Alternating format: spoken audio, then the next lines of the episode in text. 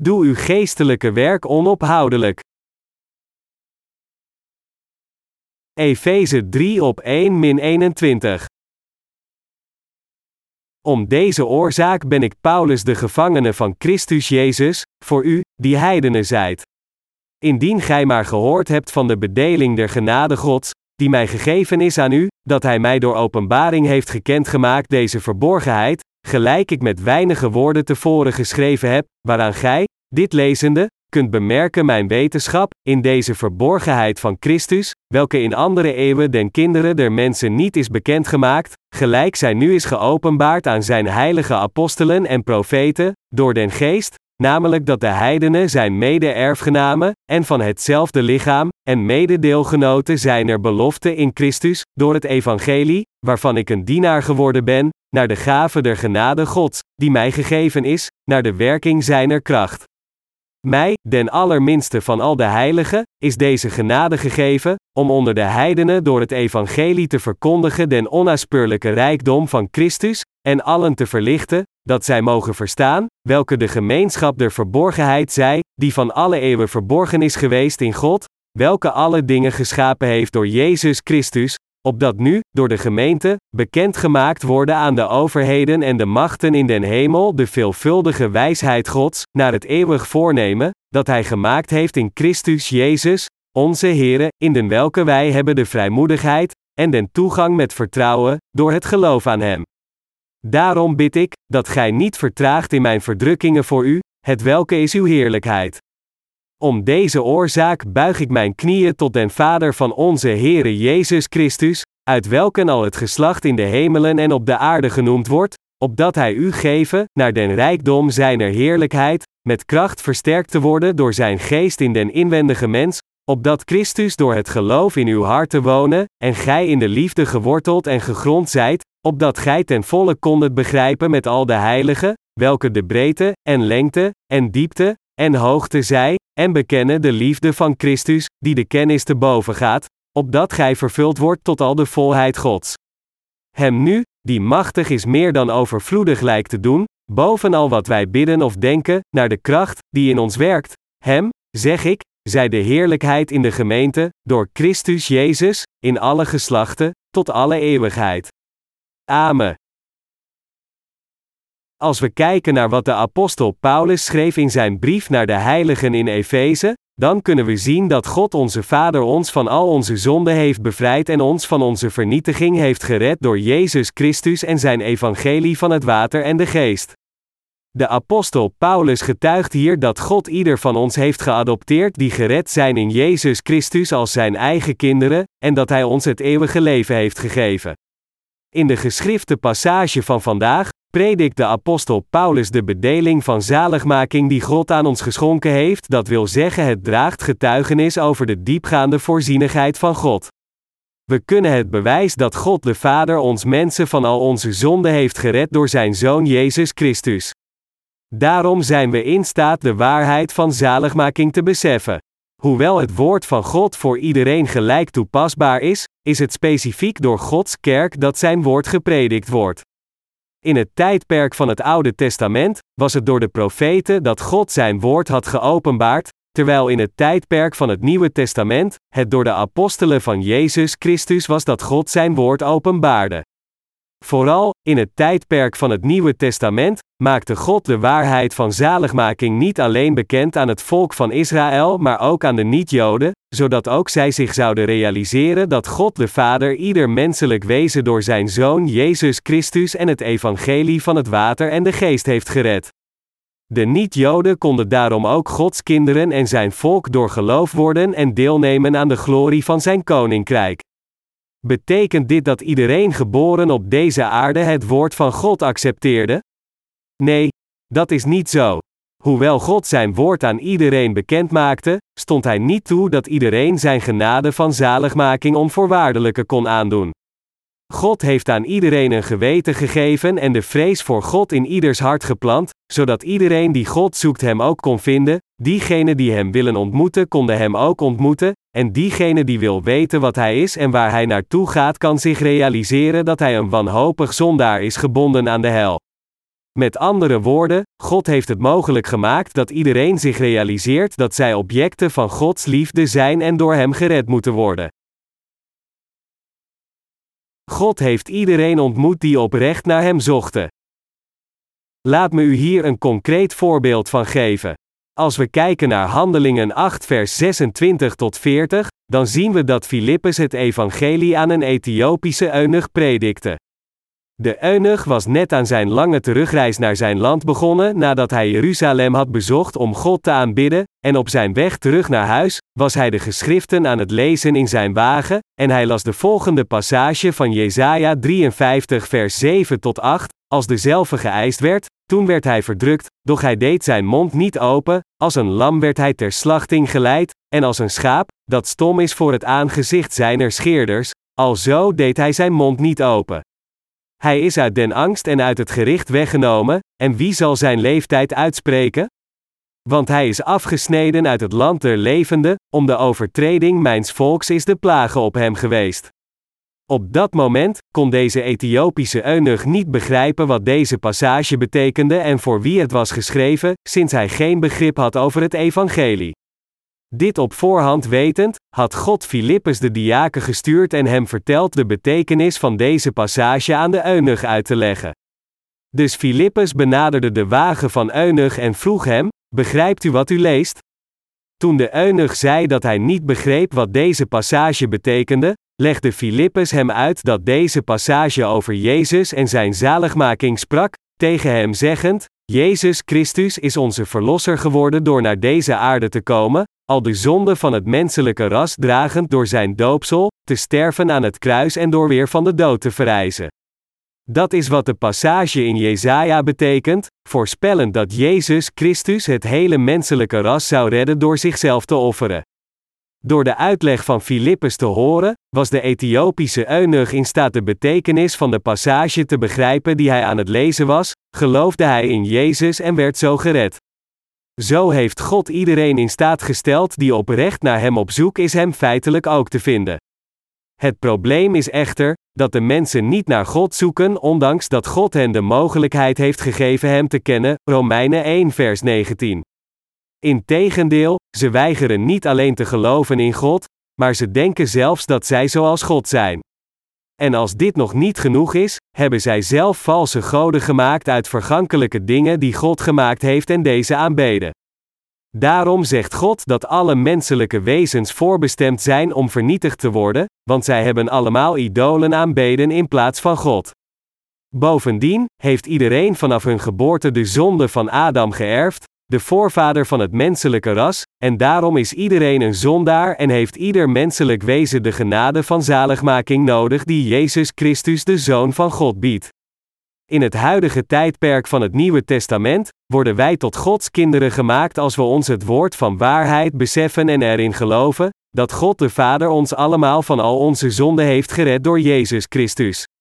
Anders gezegd, God heeft het evangelie van het water en de geest door zijn wedergeboren kerk in dit tijdperk van het Nieuwe Testament toegekend. Dus, toen de apostel Paulus het evangelie van het water en de geest tijdens het tijdperk van de vroege kerk predikte, werden diegenen dit het hoorden en in dit evangelie geloofden gered en vormden Gods kerk en werden de bewoners van zijn koninkrijk. In die tijd was het niet alleen de apostel Paulus die het evangelie van het water en de geest predikte. Zijn mededienaren predikten het evangelie ook met hem. God liet veel apostelen en evangelisten opstaan, en liet hen prediken dat God zoveel van de mens hield dat hij hen gered heeft door zijn zoon en hen bevrijdde van al hun zonden, vernietiging en hel, maar God maakte deze waarheid alleen kenbaar aan diegenen die naar hem zochten. God stond alleen toe dat diegenen die in dit evangelie geloofden gepredikt door de dienaren van God hun zaligmaking bereikten, het eeuwige leven ontvingen en Jezus Christus in hun harten accepteerden. De apostel Paulus getuigde zelf dat hij ook gered werd omdat God de Vader het menselijke ras van hun zonde had gered door Jezus Christus. Paulus werd als een crimineel gevangen gezet omdat hij getuigenis droeg over het evangelie van het water en de geest, en hij werd zelfs daarom gedood. Hij werd in de gevangenis gegooid omdat hij de evangelische waarheid van het water en de geest predikte. Maar desondanks, was Paulus God zeer dankbaar en hij getuigde: Mij, den allerminste van al de heiligen, is deze genade gegeven, om onder de heidenen door het evangelie te verkondigen den onnaspeurlijke rijkdom van Christus, Efeze 3 op 8. Het evangelie dat gepredikt werd door de apostel Paulus was het evangelie van het water en de geest.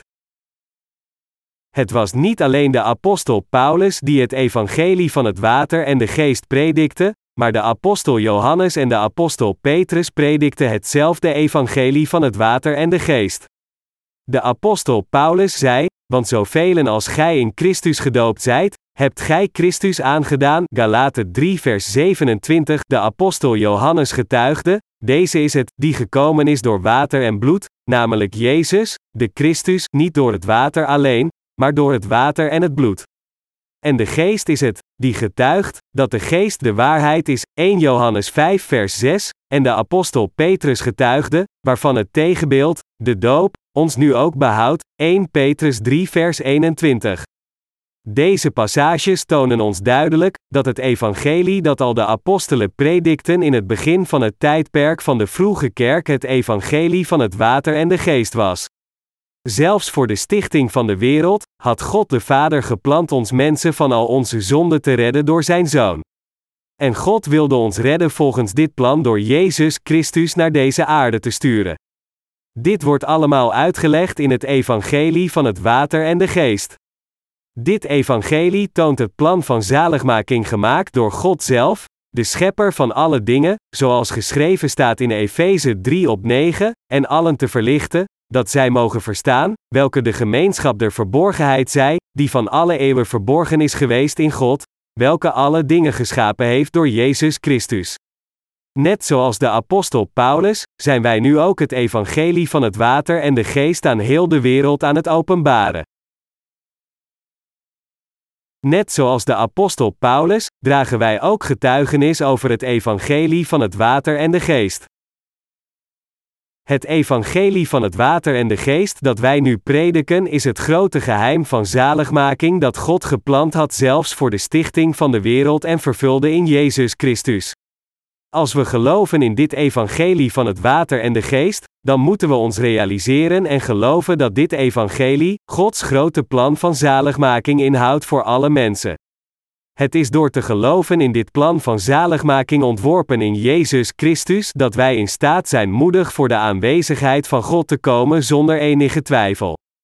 De enige manier dat de mensen voor God kunnen komen zonder enige schaamte is door de vergeving van zonde te ontvangen door te geloven in het evangelie van het water en de geest. Hoewel er veel religies in deze wereld zijn, is het object van hun geloof niet God. Deze religies gaan allemaal over het vergoddelijke van een of ander schepsel en aanbidden hen als afgoden. Het enige ware geloof is het geloof dat in het God gegeven evangelie van het water en de geest is geplaatst. Diegenen die in de aanwezigheid van God kunnen komen zijn diegenen die in het evangelie van het water en de geest met heel hun hart geloven, het evangelie waarmee Jezus Christus alle menselijke wezens heeft gered. Maar diegenen die alleen de religieuze doctrines van deze wereld volgen, kunnen nooit de rechtvaardigheid van God bereiken. Het woord van God dat de apostel Paulus hier predikt in de geschrifte passage van vandaag is het woord waar ieder van ons zonder twijfel in moet geloven. De apostel Paulus wil dat iedereen dit woord begrijpt, beseft en gelooft in de diepte en breedte van de wil van God om daarmee Christus in onze harten te ontvangen. Een dergelijk oprecht verlangen van de apostel Paulus wordt gepast uitgedrukt in Efeze 17 over 3 dat zegt, opdat Christus door het geloof in uw harten wonen, en gij in de liefde geworteld en gegrond zijt. Hoe komt Jezus Christus in uw harten? Dit is alleen mogelijk door geloof in de rechtvaardigheid van God. Onze Heer heeft ons gered door al de zonden van het menselijke ras te dragen door gedoopt te worden door Johannes de Doper, te sterven aan het kruis en weer van de dood te verrijzen. Het is door in deze waarheid te geloven dat wij in staat de Heer in onze harten te ontvangen. Anders gezegd, u en ik moeten de vergeving van zonden ontvangen door te geloven dat onze Heer al onze zonden heeft uitgewist, en dit is hoe we Jezus Christus in onze gereinigde harten kunnen accepteren. Inderdaad, het is ons geloof dat het voor Jezus Christus mogelijk maakt in onze harten te verblijven. Het is door zijn Zoon Jezus Christus dat God de Vader zijn werk van zaligmaking heeft gedaan. En God blijft door het evangelie van het water en de geest vervuld door zijn Zoon werken. Anders gezegd, Jezus Christus blijft voortdurend door zijn mensen die de kennis en het geloof hebben in deze zaligmaking.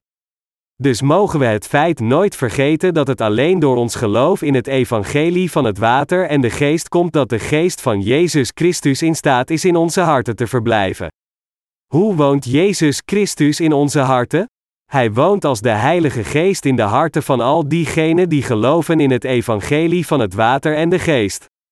Dat is waarom de apostel Paulus getuigde dat het kwam doordat de Heilige Geest in zijn hart woonde dat hij een waardevolle werker in Gods ogen is geworden. De apostel Paulus was een geestelijke priester. U en ik zijn ook geestelijke priesters. Net zoals de apostel Paulus, zijn wij allemaal geestelijke priesters. Zoals u weet waren er geen stoelen of banken in de tabernakel of het buitenhof. Dit betekent dat de priesters geen rust namen tijdens het uitvoeren van hun priesterlijke plichten. Nam de apostel Paulus rust tijdens het uitvoeren van zijn priesterlijke plichten? Nee, dat was ondenkbaar. Hij beleidde in 1 Thessalonicense 2 op 9, want gij gedenkt, broeders, ons en arbeid en moeite, want nacht en dag werkende, opdat wij niemand onder u zouden lastig zijn, hebben wij het evangelie van God onder u gepredikt. Het probleem in het hedendaagse christendom is dat er te veel nutteloze priesters zijn die rondhangen. Het is voor elke priester verkeerd zijn priesterlijke plichten niet te vervullen. Net zoals de apostel Paulus zijn priesterlijke plichten iedere dag uitvoerde zonder ooit op te houden, zo moeten ook wij allen ons priesterschap vervullen zonder ooit te stoppen. Om ons priesterschap goed te vervullen is het als eerste belangrijk te begrijpen wat een priester doet. Een priester is iemand die bemiddelt tussen God en zijn mensen om hun zonden uit te wissen. Het is door priesters zoals ons dat God zijn gerechtigheid en liefde vervult, en sinds wij de priesters het evangelie van het water en de geest prediken, worden zondaars van al hun zonden gered door hen door te geven aan het lam van God door het principe van het opleggen van handen, dat wil zeggen door het doopsel van Jezus Christus. God heeft deze plichten aan iedere priester toevertrouwd, en net zoals de apostel Paulus deze priesterlijke plichten in de dagen van de vroege kerk uitvoerde, moeten u en ik hen in dit huidige tijdperk uitvoeren. Elke priester moet zijn plichten uitvoeren. U en ik zijn in Gods ogen geestelijke priester geworden. Dergelijke priesters kunnen de overtredingen van de mensen in deze wereld wegwassen.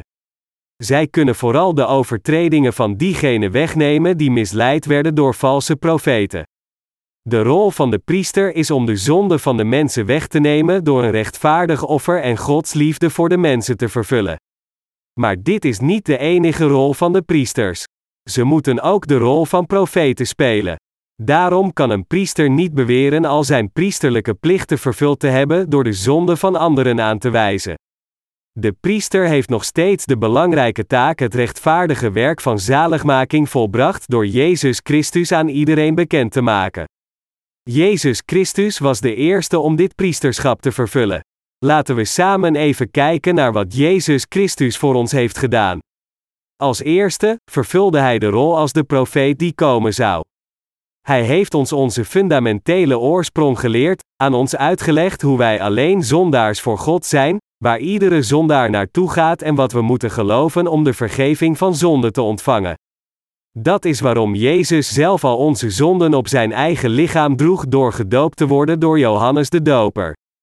Hierna gaf hij zijn eigen lichaam op en offerde zichzelf aan God als ons verzoeningsoffer, waarmee hij Gods liefde in onze harten bracht. Door het evangelie van het water en de geest, heeft Jezus Christus het voor ons mogelijk gemaakt gered te worden van al onze zonden, Gods kinderen te worden en het eeuwige leven te ontvangen. En dankzij het offer van Jezus Christus, hebben wij de rechtvaardigheid van God en Zijn liefde leren kennen en zijn erin gaan geloven. Een priester is iemand die God en de mensen gelijktijdig dient. Een van zijn priesterlijke plichten is het redden van mensen van hun zonde. De priester wijst zijn mensen niet alleen op hun zonde, maar hij is ook verplicht de mensen te redden die sterven door hun zonde. Dat is waarom God u en mij voor het priesterschap heeft benoemd, zodat wij zijn werk van het redden van zielen zouden uitvoeren. En dat is waarom u en ik onszelf aan God als zijn priesters moeten offeren, en onze priesterlijke plichten moeten vervullen. Als diegenen die de hedendaagse priesters zijn geworden, moeten we onvermoeibaar werken om iedereen van zonde, veroordeling en vernietiging te redden. Iedere priester moet zijn hele lichaam en hart aan God toewijden om zijn priesterschap te vervullen. Het enige dat u als priester hoeft te doen is uzelf moedig aan God te offeren, want u offert uzelf op voor een rechtvaardige zaak. Zichzelf inzetten voor het rechtvaardige werk van God is hoe iedere priester hem dient. Het priesterschap gaat over het aanbieden van zichzelf om God te dienen, en iedere priester moet zichzelf aan het rechtvaardige werk van God toewijden. U en ik hebben de vergeving van zonden ontvangen door te geloven in het evangelie van het water en de geest. Wat is onze rol in deze wereld? Zoals gezegd, wij zijn de priester van het huidige tijdperk. Niemand van ons mag ooit rusten van ons priesterschap. Verre van dien, u en ik moeten er naar streven trouwe priesters in dit tijdperk te worden en onze priesterlijke plichten correct uitvoeren. Zodat wij ons priesterschap goed kunnen vervullen, moeten we nooit de slechtheid van deze wereld dienen. Per slot van rekening, onszelf toe te wijden aan de verspreiding van het evangelie om andere zielen te redden dan een slecht doel is wat het echt betekent ons priesterschap goed te vervullen. Als u en ik echt willen doen wat God plezier doet, dan moeten we het evangelie van het water en de geest dienen. Het is een serieus plichtsverzuim voor ons iets anders te dienen. Ieder van ons moet een duidelijk begrip hebben over datgene waar we voor moeten leven. Of we wel of niet een correct leven van geloof kunnen leiden hangt af van of we wel of niet weten en geloven in het evangelie van het water en de geest en dit evangelie dienen. Ons priesterschap hangt niet af van hoeveel wereldlijke kennis we hebben. Eerder, het hangt volledig af van of we wel of niet geloven in het God gegeven evangelie van het water en de geest en ervoor kiezen om dat te doen wat juist is. Diegenen van wie het levensonderhoud afhangt van wereldlijke kennis zijn of schoolleraren of universitaire professors. Het werk van een professor is zichzelf toe te wijden zijn studenten te onderwijzen en zijn kennis met hen te delen. De enige verantwoording die de professors naar zijn studenten heeft is de cursussen die aan hen toegewezen zijn effectief te leren, want hun beroep is een middel om zich in hun levensonderhoud te voorzien. In tegenstelling, diegenen die zijn toevertrouwd met het geestelijke priesterschap kunnen het zich niet veroorloven om hun plicht alleen te beperken tot onderwijzen. Het is voor een priester niet genoeg om alleen het woord van God correct te onderwijzen, maar iedere priester moet ook Gods rechtvaardigheid dienen. Iedere priester moet zijn priesterschap trouw vervullen, net zoals Jezus Christus trouw al zijn werk van zaligmaking vervulde door al onze zonden op zijn eigen lichaam te dragen door zijn doopsel, gekruisigd te worden tot de dood, en weer van de dood te verrijzen. Door naar deze aarde te komen als onze hoge priester, offerde Jezus Christus zich aan God als het perfecte verzoeningsoffer, en dat is waarom het hele menselijke ras nu de vergeving van zonden ontvangt en het koninkrijk van God kan binnengaan door te geloven in het evangelie van het water en de geest. Jezus is de hoge priester van de hemel, en net zoals de apostel Paulus een hemelse priester is, zijn u en ik ook hemelse priesters. Dat is waarom u en ik ons ook moeten offeren aan Gods werk. Ik weet niet zeker hoe u mij ziet, maar ik ben ook een priester van God die de Heer dient met heel mijn toewijding. En net als ik, wijdt u ook uw lichaam en hart aan de Heers evangelie van het water en de geest toe om dit ambt te ondersteunen. Jezus werd gedoopt en vergoot zijn bloed om het werk dat hem was toevertrouwd te vervullen als de hoge priester van het koninkrijk van de hemel. Sinds de priesters op deze aarde zijn voetstappen volgden, offeren u en ik ook onze lichamen iedere dag aan God als een levend offer. Wij volgen nu onze priesterlijke plichten door onze lichamen en harten aan het werk van de Heer toe te wijden. Is er hier toevallig iemand die zijn priesterschap heeft opgegeven? Of is er hier iemand die het priesterlijke werk dat hij tot nu toe heeft uitgevoerd wil opgegeven? Als we naar de Bijbel kijken, dan zien we dat de Sabbatdag genoemd wordt, als ook de Sabbatsjaren. Het volk van Israël rusten op beide de Sabbatdag en het Sabbatjaar. Als een stuk land zes jaar lang werd gebruikt, dan kreeg dit veld het zevende jaar rust. Deze praktijk volgend, leggen veel pastors die in deze wereld dienen veel nadruk op hun Sabbatjaar. Als het zevende jaar komt sinds een pastoor voor het eerst begon te dienen bij dezelfde kerk, dan zal hij om een sabbatjaar vragen om te rusten en zich geestelijk opnieuw te herladen. Zijn kerk zal deze wens respecteren en hen zijn salaris blijven betalen, zodat hij een jaar lang rust kan nemen. Dergelijke pastoors kunnen zo rusten omdat zij hun ambt als een wereldlijke baan beschouwen. Wij de gelovigen in het evangelie van het water en de geest kunnen nooit rusten van ons priesterschap. Als we een jaar zouden rusten van ons priesterschap, zullen talloze mensen als gevolg hiervan vergaan. Natuurlijk is het waar dat wij allen wensen dat we onze vermoeide lichamen wat rust konden geven. Maar we kunnen het ons niet permitteren rust te nemen, want dat zou betekenen dat talloze mensen vergaan. Iedere priester moet daarom onvermoeibaar dag na dag, maand na maand en jaar na jaar het evangelie van het water en de geest prediken. Ieder van ons moet zich keer op keer aan de Heer offeren. Het is onze priesterlijke roeping zo te leven. Als iemand die gelooft in het evangelie van het water en de geest faalt zijn priesterlijke werk uit te voeren, dan zal hij onvermijdelijk goddeloosheid gaan praktiseren. We weten en geloven in het evangelie van het water en de geest, we weten dat God onze Vader is en Jezus Christus onze Verlosser, en we kennen ook Gods kerk. Maar ondanks dit, als we onze harten niet zouden toeleggen op het dienen van Gods rechtvaardigheid, wat zou er dan met deze zondaars in deze wereld gebeuren? Zij zullen zonder twijfel vergaan.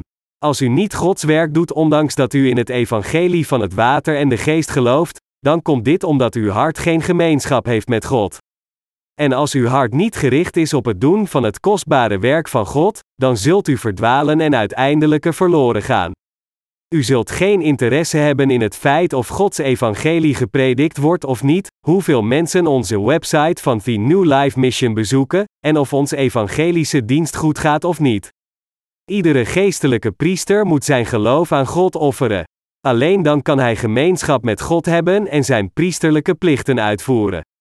De apostel Paulus wenste voor ons in de geschrifte passage van vandaag, opdat Christus door het geloof in uw harten wonen, en gij in de liefde geworteld en gegrond zijt, Efeze 17 over 3, en als we echt willen dat Christus zo in onze harten werkt, dan moeten we zijn wil gehoorzamen. Om dit te doen, moeten we ons als eerste realiseren dat wij priesters zijn, en moeten we ons aan het werk dat Christus plezier doet toewijden. Het probleem is echter, dat we vaak geneigd zijn ons priesterschap op te geven. Als uw hart niet langer toegewijd is aan het priesterschap, dan bent u ver verwijderd van Christus, en daarom, zelfs als u probeert Gods werk uit te voeren, zult u enorm worstelen in zowel lichaam als geest, en dien ten gevolge, zult u vroeg of laat uw priesterschap opgeven. Dit kan ieder van u gebeuren, als uw gedachten verdwalen, zult u uiteindelijk uw priesterschap opgeven. Soms zou ik zelf wensen dat ik naar een plaats kon gaan om een paar dagen rust te hebben. Als ik heel moe ben, dat zou ik willen dat ik voor een paar dagen kon rusten zonder gestoord te worden. Wat zal er met de wereld gebeuren als wij zouden stoppen met het werk dat de rechtvaardigheid van God dient? Als wij de gelovigen in het evangelie van het water en de geest niets anders doen dan rusten, dan is er niet alleen geen hoop voor de zondaars in deze wereld, maar wij zelf hebben er ook geen voordeel van. Dit zal er alleen voor zorgen dat onze geesten afdwalen van Christus, om onrustig en vermoeid te worden. Onze harten zullen onrustig zijn en onze lichamen worden ziek zonder specifieke reden. Dat is waarom wij ook geneigd zijn het werk van de Heer uit te voeren en Hem te dienen zelfs als het moeilijk is, omdat als we dit niet doen, onze harten nog onrustiger worden. Als ik in het Inje Leerling Trainingcentrum ben, dan denk ik er altijd over na hoe wij het trainingscentrum nog doeltreffender en veiliger kunnen leiden, zodat al onze heiligen zowel geestelijk gevoed als ook vreugdevol van hun verblijf kunnen genieten. Het is voor mij natuurlijk om over Gods werk na te denken omdat ik een van zijn priester ben geworden. Inderdaad, want al diegenen die geestelijke priesters zijn geworden, gaat er geen moment voorbij zonder na te denken over Gods werk. Dit is omdat na te denken over Gods werk ook het dienen van Gods werk is, net zoals de apostel Paulus zei dat wat we ook doen, of we eten of drinken, we alles moeten doen voor de glorie van God. Zo moet ieder van ons die gelooft in het evangelie van het water en de geest Gods werk iedere minuut en iedere seconde uitvoeren. We moeten ons hier realiseren dat als wij onszelf aan God offeren om Zijn rechtvaardige werk uit te voeren, wij ons priesterschap trouw vervullen. Ongeacht hoe vermoeid en uitgeput we ook raken door het dienen van het evangelie, we kunnen het ons niet veroorloven een lange pauze te nemen. Dat is omdat als we maar een paar dagen rusten, onze passie voor God aanzienlijk zal verdwijnen. Als het hart van een priester naar de wereld afdrijft, dan zal het oncontroleerbaar ver van God afdrijven. En als het hart eenmaal te ver van God is afgedreven, is het heel moeilijk om terug te keren en daarom moeten we Gods werk iedere dag voor de rest van onze leven uitvoeren. Het is bijna voor iedereen onmogelijk die Gods kerk heeft verlaten om gouden kalveren te aanbidden om terug te keren naar de kerk. Waarom is dit zo? Dat is omdat als een priester zijn hart toestaat gevangen te worden door deze wereld, hij niet terug kan keren in Gods armen zelfs als hij dit wilt. De wereld is als een moeras, als je er eenmaal invalt, hoe meer je worstelt, hoe dieper je erin zinkt. We moeten daarom nooit van Gods werk rusten, zelfs niet voor een moment. Diegenen die naar de wereldlijke voordelen zoeken en idolen aanbidden, worden met zoveel schuld geplaagd dat ze niet terug durven keren naar Gods kerk, bij zichzelf denkend: Gods kerk zal mij niet meer accepteren nadat ik mezelf zo heb verontreinigd. Als de rechtvaardigen eenmaal in de wereld stappen, kunnen ze niet meer terugkeren naar Gods kerk. Niet omdat iemand hen tegenhoudt, maar omdat ze dit zelf niet kunnen verdragen. Hun harten worden te zeer geboeid door de dingen van de wereld om terug te keren. Dus moeten we, in de eerste plaats, nooit een voet in deze smerige wereld zetten. Wij prediken nu het evangelie van het water en de geest over de hele wijde wereld met hetzelfde verlangen van het hart dat de apostel Paulus had voor de mensen in zijn tijd toen hij zei: opdat Christus door het geloof in uw harten wonen. Efeze 17 over 3. Het evangelie van het water en de geest is het geheim van Christus. God de Vader heeft ons door zijn Zoon met het water, het bloed en de geest gered. 1 Johannes 5 vers 6 tot 8. Jezus Christus accepteerde al onze zonden door te worden gedoopt door Johannes de Doper en redde ons door tot de dood gekruisigd te worden en weer van de dood te verrijzen. Wij de gelovigen in het evangelie van het water en de geest hebben geen zonde meer in onze harten. De Heer heeft ons van al onze zonden gered door deze waarheid van het water en de geest, en wij zijn Gods eigen kinderen geworden door in deze waarheid te geloven. Hoe kunnen we dan onze harten aan de dingen van de wereld toewijden in plaats van aan het werk van God? Als er iemand over ons is die zichzelf aan de dingen van de wereld toewijdt, dan zal God hem zonder twijfel slecht noemen. Door ons van al onze zonden te redden, heeft God tegen ons gezegd ons priesterschap te vervullen door zijn evangelie te verspreiden. Wat zou God zeggen als wij zijn werk niet dienen, maar iets anders zouden dienen in ongehoorzaamheid van zijn wil?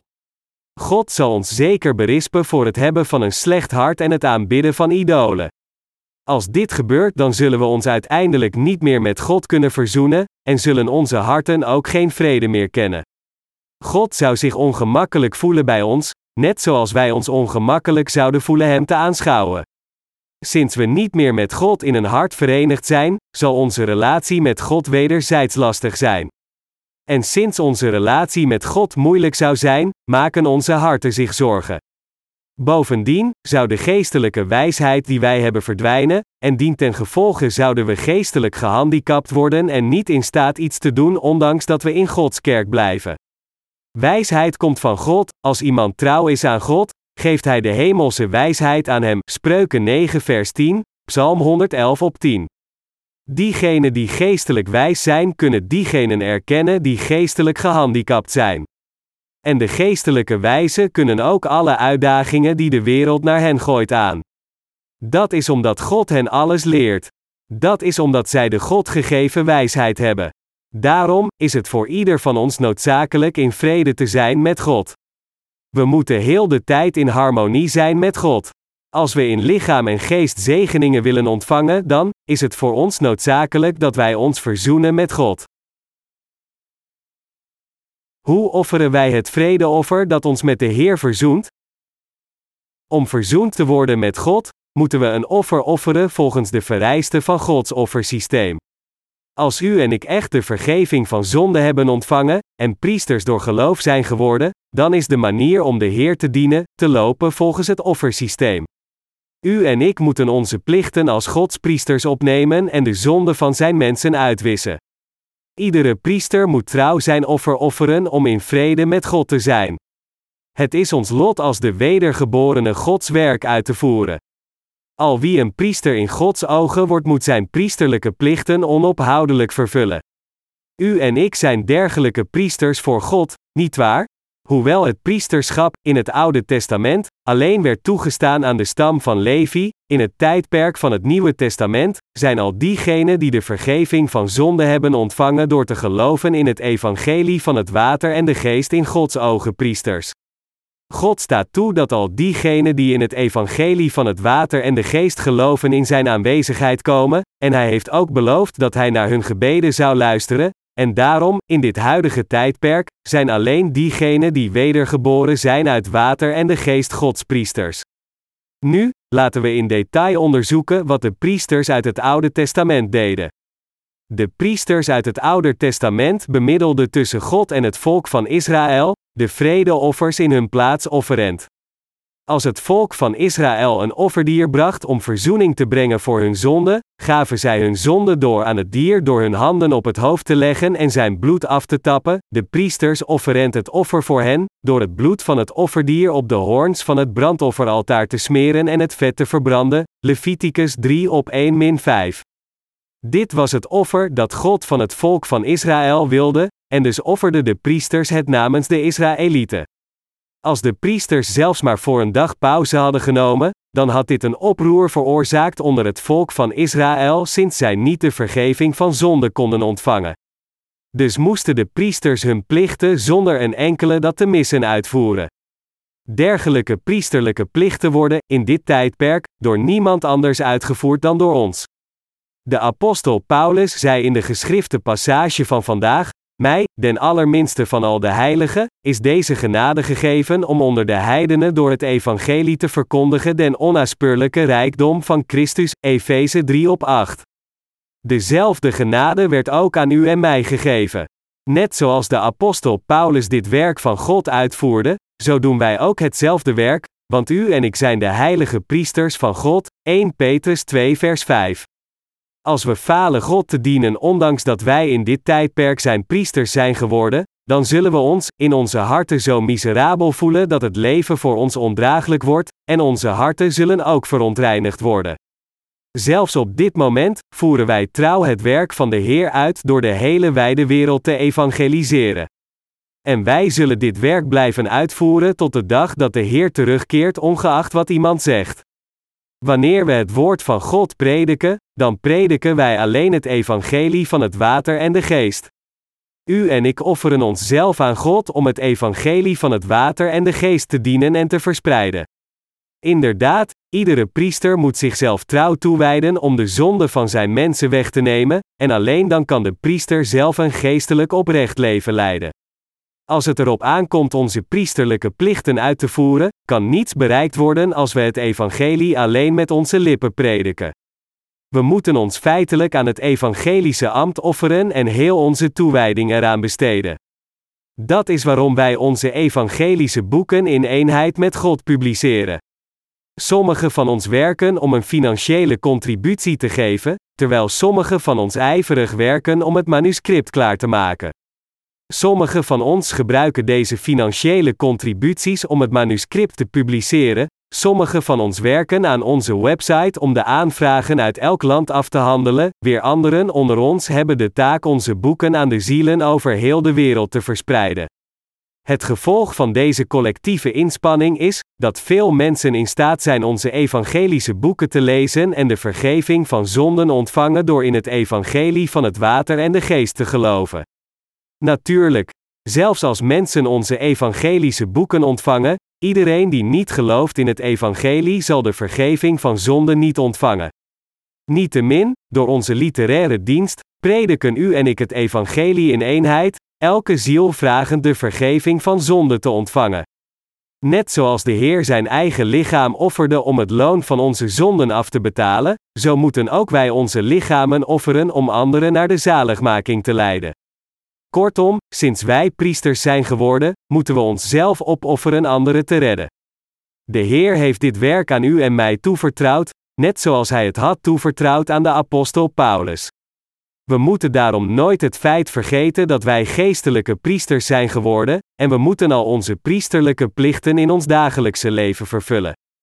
In dit tijdperk zijn u en ik die nu zijn wedergeboren door het evangelie van het water en de geest de enige ware priesters.